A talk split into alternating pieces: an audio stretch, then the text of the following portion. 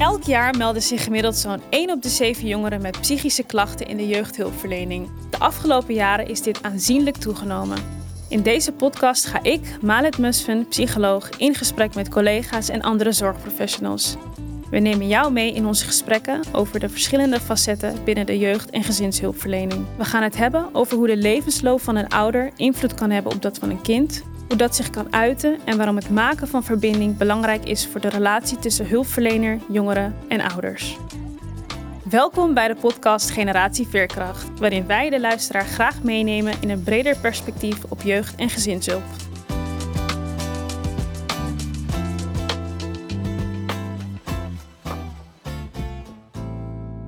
Vandaag gaan we het hebben over intergenerationeel trauma en ga ik in gesprek met Jetske en Letta. Welkom. Dankjewel.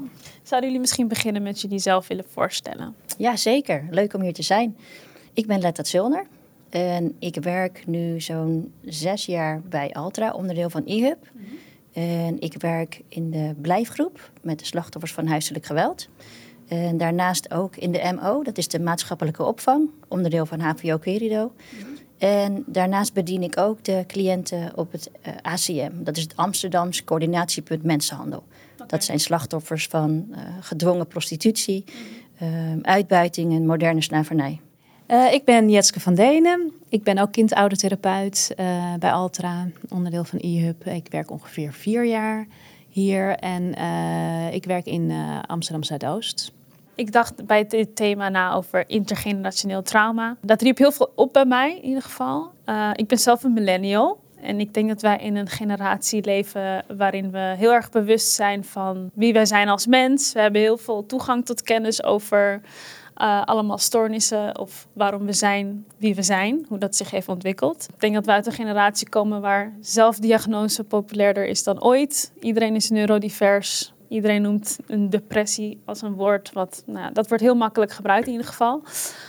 En ik vind ook dat we een generatie zijn, of in ieder geval de millennials, die onze ouders de schuld geven van wie we zijn en wie we zijn geworden. Of tenminste, die sneller kijkt naar nou, mijn ouders hebben dit op een bepaalde manier gedaan en dat heeft mij gevormd als mens. Ik vind dat heel typisch in ieder geval voor de generatie waar ik uitkom. Vinden jullie dat dat ook nu zeg maar echt vaker voorkomt dat mensen daar kritischer op zijn? Ja, ik herken wel wat je zegt. Ik heb ook met Jetske een interessante discussie gevoerd voordat we de podcast gingen maken. Toen we de uitnodiging kregen en toen benoemde ik ook dat trauma ook een beetje een modefenomeen is. Ja lijkt te zijn geworden. Trauma. Precies, ja. afgelopen tijd. En het lijkt ook wel of, of mensen ook graag willen dat er iets is mm -hmm. om te bevestigen uh, in wie ze, wie ze dan zijn. En ook ja, hun gedrag daar, daarmee kunnen verklaren. Ja. Of bijvoorbeeld hun angsten of hun onzekerheid of hun verdriet. Uh, nu zien wij wel in de opvang en ja, de gezinnen die bij Jetske worden aangemeld... dat uh, deze mensen wel echt heel veel nare dingen hebben meegemaakt. En de kinderen die in de opvang bij mij worden aangemeld, die hebben al voordat ze in de opvang kwamen wonen echt al meerdere ingrijpende jeugdervaringen meegemaakt. En we kunnen dan wel echt heel goed zien uh, waar ja, bepaald gedrag of bepaalde copingstrategieën vandaan komen. Ja, want, want waar gaan jullie discussie dan over? Nou, uh, wat Lette net al zegt, is uh, dat het een beetje een modegril lijkt. Maar dat er, er is natuurlijk ook heel veel uh, meer kennis over. En er is natuurlijk ook op het, op het, gebied van neurowetenschap ook veel meer kennis over. Hè, wat wordt er dan doorgegeven, bijvoorbeeld? En dat heb je ook bij intergenerationeel trauma.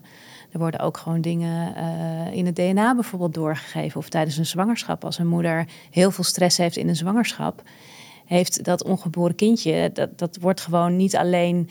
Uh, ja, dat wordt eigenlijk voorbereid. Eigenlijk een soort heel mooi overlevingsmechanisme. Een kind wordt voorbereid op de geboorte dat het in een, nou ja, een onveilige situatie terechtkomt. Mm Maar dat werkt wel door, terwijl het misschien helemaal niet meer in een onveilige situatie terechtkomt, maar dan wel uh, reageert uh, met traumataal eigenlijk. Ja. En dat is wat trauma doet. He, trauma gaat zich nestelen in het onderbewuste. Mm -hmm. En dit onderbewuste wordt wel degelijk doorgegeven. Ja. Van generatie op generatie. Ja. En daarnaast zijn er ook nieuwe ontwikkelingen, epigenetica. Ja. maar dat moet je even uitleggen. Ja, epigenetica betekent eigenlijk in het Latijns op de genen. Dus mhm. boven, naast op de genen. En er is gezien dat er biologische markers zijn. En die zijn ontstaan door allerlei chemische processen in het lichaam. Ehm, die ontstaan bij iemand die een trauma meemaakt. Ehm, waardoor er een, eigenlijk een heel nieuw systeem ontstaat in, in een brein. Een mhm. brein is heel plastisch, dat betekent dat het heel veranderlijk is. Ja. En op het moment dat je, dat je een trauma meemaakt, een, een moment, een gebeurtenis die zo indrukwekkend is en zo ongewoon, zo extreem, zo schokkend, dan neemt jouw limbisch stelsel, dat zijn hersendelen die samenwerken met elkaar, waaronder de hippocampus en de amygdala. Die zijn verantwoordelijk voor emoties, voor het emotioneel geheugen, voor eh, motivatie, voor het genot, dus hoe je het leven ervaart. En trauma kaapt eigenlijk je limbisch stelsel. En zorgt er ook voor dat er geen verbindingen meer kunnen gemaakt worden naar je prefrontale cortex en je spraak- en taalcentrum.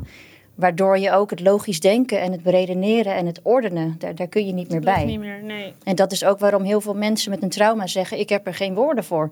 Ik kan het, ik kan het niet meer goed terughalen. Ja. En dat door de heftige emoties wordt het dus als zijnde opgeslagen. Ja. En ja, heb je een nieuwe manier van hoe je in je leven staat. Ja. En wat je dan gaat doen, is daarmee om leren gaan. Dus je gaat copingstrategieën ontwikkelen. Dus je hebt eigenlijk een, een hele nieuwe manier van in het leven staan. En die copingstrategieën die zijn er alleen maar voor bedoeld om jou veilig en te kunnen houden en om te overleven. Maar deze copingstrategieën die geeft de moeder dus ook door aan de volgende generatie. Want dit is nodig geweest in haar leven. Maar inderdaad, wat Jetske zei, deze kinderen die komen dan hè, in, in het leven en die extreme gebeurtenis of extreme situatie, die is er vaak niet meer. Dus die copingstrategie die is niet meer nodig. Mhm. Alleen het vervelende is dat je er niet zomaar meer vanaf komt. Nee. Trauma moet echt worden verwerkt, moet een plekje krijgen. Het verhaal moet worden verteld. Ja. Dan pas kan er weer verwerking komen. Het is eigenlijk best een heel ingewikkeld verhaal wat er nog achter kan zitten. Want ik denk dat de meeste mensen bij, in ieder geval bij intergenerationeel trauma, er meer van uitgaan dat je dingen, of je ouders dingen hebben meegemaakt, hebben meegemaakt maar misschien de ouders van je ouders ook. En dat die dat daar op een bepaalde manier op hebben gereageerd. En dat weer jou aanleren. En dat dat als het ware zo doorgaat. En dan noemen we transgenerationeel trauma. Maar goed, ik kan me ook voorstellen dat niet iedereen zich daarvan bewust is. In ieder geval als je ergens binnenkomt bij een organisatie en je hebt een bepaalde vraag. De meeste mensen komen met een bepaalde hulpvraag. Ik denk niet dat mensen binnenkomen met... Ik heb, nou, er is sprake van transgenerationeel trauma binnen mijn uh, familie. Niet Kunnen jullie me daarmee helpen? Met welke vragen komen mensen eigenlijk binnen? Nou ja, de, de, de, kinderen worden natuurlijk, of de ouders worden doorverwezen, de kinderen. Ja. En wat ik ook wel merk, is dat uh, ouders dan heel vaak heel graag therapie voor hun kinderen willen. En dat ze dan een beetje het idee hebben van, nou, dan ga jij het fixen. Ja. Ja, en zo werkt het natuurlijk niet. Ja, ja, ja, want dat heeft natuurlijk, ja, het kind zit in het hele systeem. Daar is van alles aan de hand. Nou, er kan natuurlijk van alles nog meer aan de hand zijn, maar we hebben nu even richten nu op dat stukje intergenerationeel trauma. En uh, ja, dat is ook vaak iets wat ouders helemaal niet, soms ook helemaal niet in de gaten hebben. Soms natuurlijk wel. Ik bedoel, dus eh, sommige mensen hebben echt wel heel duidelijk trauma. Ja. Maar um, ja, dat is ook denk ik wel, als mensen aan trauma denken, denken ze misschien aan een oorlogstrauma of een ongeluk. En waar wij natuurlijk juist mee werken en wat ook door wordt gegeven, is juist dat heel uh, vroeg kinderlijk trauma, ontwikkelingstrauma. Dat is ook vaak preverbaal. Dus dat is voor ja, kinderen die jonger dan drie jaar. Dan heeft het ook veel meer impact. Kijk, als je ouder bent, dan kan je, dan kan je daarover praten. Dan uh, kunnen mensen dingen aan je uitleggen. Maar preverbaal trauma, denken mensen. Ja, vroeger dachten mensen, nou ja, die kinderen die weten dat toch niet meer. En ja. uh, dus die hebben daar helemaal geen last van. Maar juist als je zo jong bent, slaat het op in je lichaam. Ja. En, uh, en heb, heb je daar dus, is dat ook veel lastiger om, uh, om te behandelen daardoor. Ja. Dat werkt veel langer door eigenlijk. Dus hoe jonger je bent, hoe, hoe meer impact het heeft eigenlijk op je, de rest van je leven. En daarom is het ook juist zo belangrijk, ons werk. Want uh, hè, daarom willen wij heel graag de kinderen behandelen. Maar we hebben zeker de ouders daarbij nodig en het liefst het hele systeem. Dus ik eh, werk in Zuidoost. Uh, daar hebben uh, vaak bijvoorbeeld oma's ook een hele grote opvoedrol. Dus dan zijn die oma's ook heel belangrijk om erbij te betrekken. En, ja. en die horen vaak al bij die eerste generatie. hè, mhm. waar je al ziet dat er problemen zijn ontstaan. Ja die dus al zijn doorgegeven op de tweede generatie. Ja. Waar wij dan weer de kinderen van de derde generatie van van behandelen. Ja. Hoe maak je die brug dan naar de ouders en het systeem en alle andere betrokkenen die nou, onderdeel zijn van het systeem? Hoe, maak, hoe sla je die slag, zeg maar? Nou, wat ik altijd doe, ehm, is ik, ik start na een, een intakegesprek waar ik nog niet te veel doorvraag. Uh, we hebben te maken met een doelgroep die ontzettend overbelast is. Deze mensen hebben echt een multiproblematiek. Die hebben met van alles te maken. Dus het, het is al ontzettend ingewikkeld om op dat moment eh, te overleven. En wat, wat ik dan niet wil, is direct beginnen en die mensen het hemd van het lijf vragen en, en direct alweer die ontzettende nare eh, gevoelens en emoties induiken zonder context. Uh, dus dat probeer ik eigenlijk te vermijden. Ik start met het kind. En de eerste fase van een speltherapietraject of een, een kind- en oudertherapietraject bestaat uit observatiesessies. Dat zijn drie tot vijf sessies, waarbij de therapeut met de therapeutische basishouding eigenlijk het kind volgt en met het kind meespeelt en nog niet uh, diepgaande interventies maakt, omdat we nog niet weten waar de thema's van dit kind over gaan. Hè? Wat is de beleveniswereld van dit kind? Wat wil het kind aan de therapeut kwijt? En tijdens de observatiesessies krijgen wij al zo, zo'n mooie inkijk in het leven van het kind, Ja. uh, dat wij met die informatie uh, een heel mooi observatie, evaluatiegesprek kunnen voeren Ja. met ouders. Want waar kijk je dan naar? Kan je voorbeelden noemen van dingen waar je dan op, echt op let? Ja, zeker. Ja, ik, ik kan wel een voorbeeld noemen van een casus waar ik aan denk. Als ik intergenerationeel tra trauma hoor, dan denk ik echt aan deze casus. En het was een meisje die bij mij in de opvang uh, werd aangemeld. Samen met haar moeder in de opvang beland. Gezin kwam uit Engeland. Uh, was naar Nederland gegaan en hebben daar bij mensen ingewoond. Er is een ruzie ontstaan in het huis. En het meisje is ook getuige geweest van huiselijk geweld. En moeder en kind zijn door de ruzie op straat beland, waren daar niet meer welkom. En zo zijn moeder en kind in de opvang beland. Dit meisje werd bij mij aangemeld voor speltherapie omdat ze, zo werd dat dan genoemd, agressief was uh, op school. En um, ook haar moeder vond het de omgang met haar dochter heel ja, spannend en gaf aan dat dat lastig was geworden.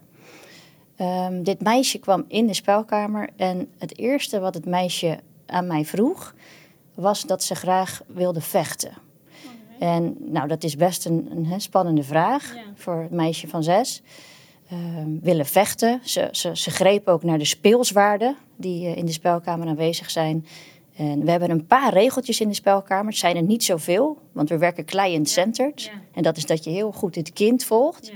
Maar een van de belangrijkste regels is, we doen elkaar geen pijn. Ik moest heel hard werken, want er um, ja, moest een, een, veilig kader ontstaan ja. in de behoefte van het meisje die heel graag wilde vechten. We zijn dus eerst goed bezig geweest met aangeven met hoe we dan konden vechten. En, en hoe kon dat dan precies zonder dat we elkaar pijn deden? En waar lagen onze grenzen dan? Dat meisje pakte dit heel goed op en kon mij ook heel goed aangeven wat ik bij haar kon doen. Ze vroeg namelijk of ik haar echt wel, of ik echt mijn best wilde doen. Okay. Ik heb haar ook aangegeven dat ik dat echt deed. Ik heb ja. natuurlijk niet uh, al mijn krachten gebruikt bij een meisje van, van zes. Uh, en bij mij deed ze dat ook. Ze vroeg ook aan mij van, kan ik dit dan doen bij jou? Is, is dat dan niet pijn? Doet het dan geen pijn? Ja. En zo vonden wij een weg om in haar behoefte te maar voorzien om te even, vechten. Nog even terug, wat gaat er dan in jou op als een kind dat vraagt? Uh, nou, dit is dus al ontzettend belangrijke informatie. Ja. Want een, een kind komt binnen en, en wil eigenlijk direct vechten. Ja. Het kwam ook over op mij alsof zij dus heel hard werkte aan een copingstrategie. Ja. Dit meisje moest goed zijn in vechten. Mhm. Het was dus echt heel hard nodig voor dit meisje om goed te kunnen vechten. Ja. Om sterk te zijn, om snel te zijn. Om die skills eigenlijk hè, te, te versterken. Uh, dit speelde zij een aantal sessies lang. En vervolgens wilde zij ook een rollenspel spelen. Mhm. En zij maakte van mij maakte zij een moeder. En zij speelde dan het kindje. En deze moeder en dit kindje woonden in een huis waar ook allemaal andere mensen woonden. Mhm. En ze gaf dan aan dat er ook een tante was, en er was ook een oma, en er waren allerlei familieleden. Maar we moesten ook met ze vechten, zoals we dat hadden geoefend. Maar denk je dat het kind dan eigenlijk iets aan het naspelen was wat hij had meegemaakt? En dat is dus een beetje het geheim van speltherapie. Is dat kinderen eigenlijk automatisch, mhm. omdat we werken vanuit het onderbewuste, kinderen spelen eigenlijk wat er in het onderbewuste zit. Dus het verhaal waarvan we net zeiden dat moet eruit, mm dat is wat er in speltherapie gebeurt. Maar vervolgens, uh, ik moet ook nog wat meer vertellen over het rollenspel. Uh, zij speelde uit dat we dus constant in dat huis een veilig plekje moesten vinden samen. Want het was eigenlijk nergens veilig. En er werd ook eten gemaakt door oma. En dat eten, toen we dat opaten, toen werden we ook allebei ziek. Dus het eten was ook gif, gaf ze aan. En met dit verhaal, dus de observatiesessies, ja. ben ik natuurlijk naar moeder gegaan om te gaan evalueren. En ik overviel moeder daar best wel mee. Ehm, ik wist natuurlijk dat er he, huiselijk geweld was geweest, dat meisje daar slachtoffer van was geweest, maar nu kwam er toch wel heel veel meer naar boven. Ja. En moeder was daar ook even stil van. En moeder werd emotioneel hiervan. Mhm. En moeder schaamde zich ook heel erg. En gaf eigenlijk aan dat dit voor haar heel moeilijk was om, om hierover te praten. Mhm. En toen ik moeder daarin heb gerustgesteld en haar heb aangegeven dat het ook heel, dat het alle gevoelens er mogen zijn, dat ik er ook voor haar ben. Vervolgens heb ik drie uur lang met moeder gesproken en gaf moeder haar hele levensverhaal uh, eigenlijk aan. En moeder vertelde daarbij dat ze eh, vroeger in een huis woonde met al haar familieleden. Ja. En in dat huis was het niet fijn om te wonen. Moeder gaf aan dat er uh, gezinsleden waren die verslaafd waren. Uh, moeder is misbruikt op jonge leeftijd door een van haar ooms. Er was veel huiselijk geweld. En ja, ze had het gevoel dat ze daar nooit veilig was. Ja. Haar band met haar eigen moeder is ook rond haar tiende, ja, naar haar eigen zeggen, volledig verdwenen. Omdat haar moeder toen zodanig verslaafd raakte dat zij niet meer emotioneel beschikbaar was voor deze moeder. En moeder is toen nog een tijdje bij een tante gaan wonen. Om, ja, een tante die in een ander huis woonde om te kijken of het beter werd. Maar dat was toch nog dicht bij het andere huis. En ja, ze gaf aan dat eigenlijk alles gewoon doorging. Dus ze voelde zich nog steeds niet veilig. Uh, ze is op jonge leeftijd moeder geworden van het meisje dat hè, bij mij in de speltherapie kwam. En heeft toen gedacht, ik wil alles anders voor mijn kind. Ik wil niet dat mijn dochter hetzelfde meemaakt als wat ik heb meegemaakt. En dat ging een aantal jaren best goed. Ja. Moeder ging naar school, vond een baantje, uh, was zelfvoorzienend. Ze kwam toen een meneer tegen die haar aangaf dat hij in Nederland wel voor betere omstandigheden voor moeder en kind kon zorgen. En zo is moeder in Nederland beland. Alleen in dat huis waar zij toen woonde, ging het even een tijdje goed totdat die ruzie er kwam en ze op straat kwam te staan.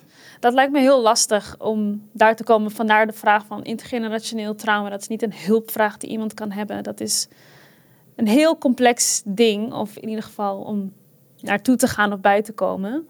Want hoe gaan die gesprekken dan op het moment dat je nou ja, kan benoemen van nou, het, gaat eigenlijk, het is iets wat je eigenlijk al heel lang bij je draagt waar is dat keerpunt? Hoe kan je dat gesprek eigenlijk starten en aangaan met een ouder? Nou, wat ik wel mooi vond, wat Letta net zei, die zei uh, uh, dat deze moeder zei: Ik wil het anders. Mhm. En dat is ook een beetje waar we mee begonnen. Hè, dat, dat we dan kijken van, oh ja, onze ouders hebben een schuld of zo. Hè? Ja. Dus uh, we willen het anders doen.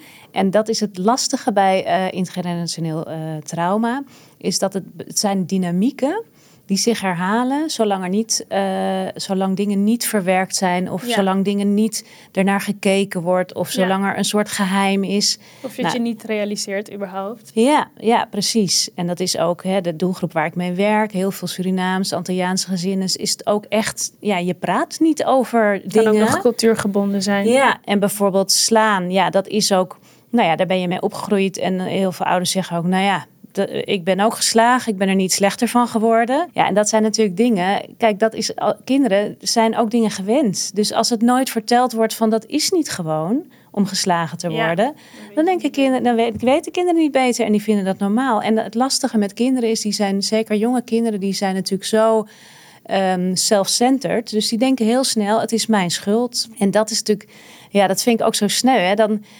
dan, ja, wat je ook wel eens eh, wat ik ook wel eens zeg, is dat kinderen. ehm, het is niet dat als ze geslagen worden, dat ze dan niet meer van hun ouders gaan houden, maar dan houden ze op een gegeven moment niet meer van zichzelf. Dat is het, het, heftige in dit hele verhaal. En het is ongelooflijk moeilijk om die dynamieken die- te verbreken. Dus je zegt, hè, alle ouders denken van ik ga het anders doen, hè, zeker als ze eh, geen fijne jeugd hebben gehad.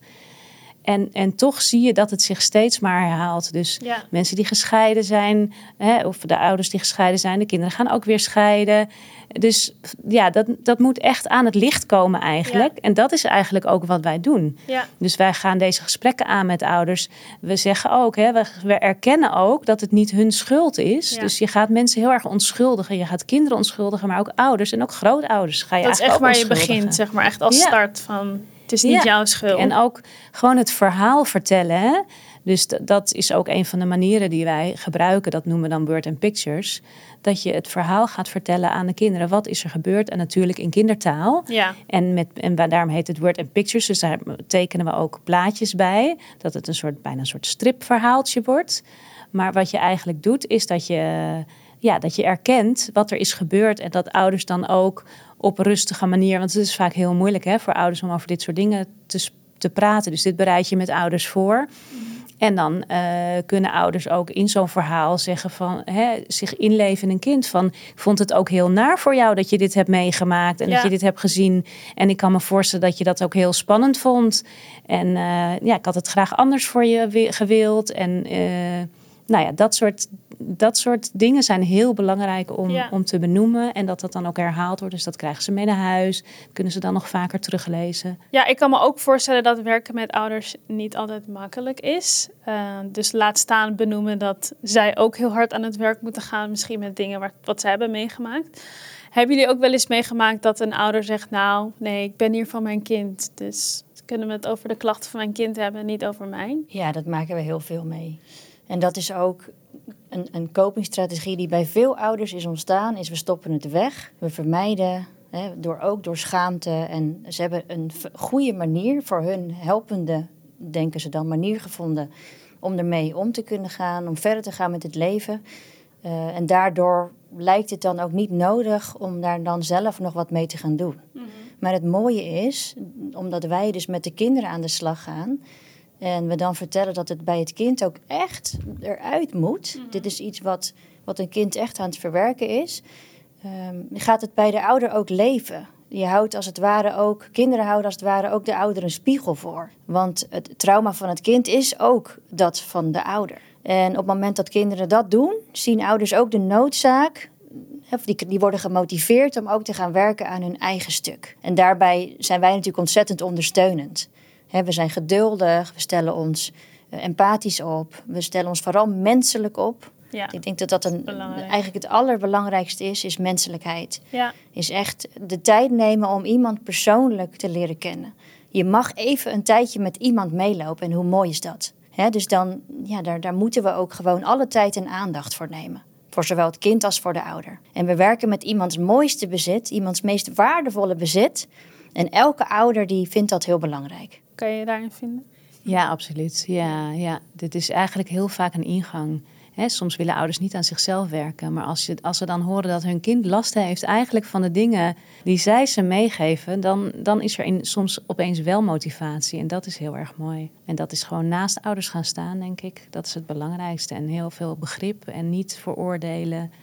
Dat zijn denk ik de belangrijkste dingen waardoor ouders zich ook gehoord voelen. Want dat is het, hè? Ja, Zolang je je gehoord en gezien voelt, ja. dan, ja, dan kan je er ook iets mee. Dus ook dat kindstukje bij de ouder. Dus we werken niet alleen met het kind, maar ook met het kindstukje van de ouder. En wat is dan jullie advies voor onze collega's die nou, dit soort dingen natuurlijk ook meemaken? Gebruik al je zintuigen. Verdiep je echt in iemand. Ga eens op zoek naar wat zit hier eigenlijk allemaal verscholen. Hè, kijk goed, observeer goed. Kijk goed naar alles wat, wat een kind laat zien. Hè, en probeer daar een mooi bruggetje in te vinden. Om ook het contact met misschien een ouder die weerstand heeft, om dat toch aan te gaan. En geef niet op. Ja. Want deze mensen zijn al zoveel verlaten en in de steek gelaten. En die hebben het vertrouwen in de wereld echt een beetje verloren. Maar wij kunnen dat weer mooi opbouwen met een ouder. Ja, En dat weer helen. Zodat ze weer met een andere blik, hè, met, met andere copingstrategieën, gezonde copingstrategieën, de wereld in kunnen. Wat zou je nog daaraan willen toevoegen? Wat is jouw advies of raad aan de luisteraars? Nou, wat ik het mooie vind aan ons werk is, uh, in hulpverlening wordt heel veel gepraat.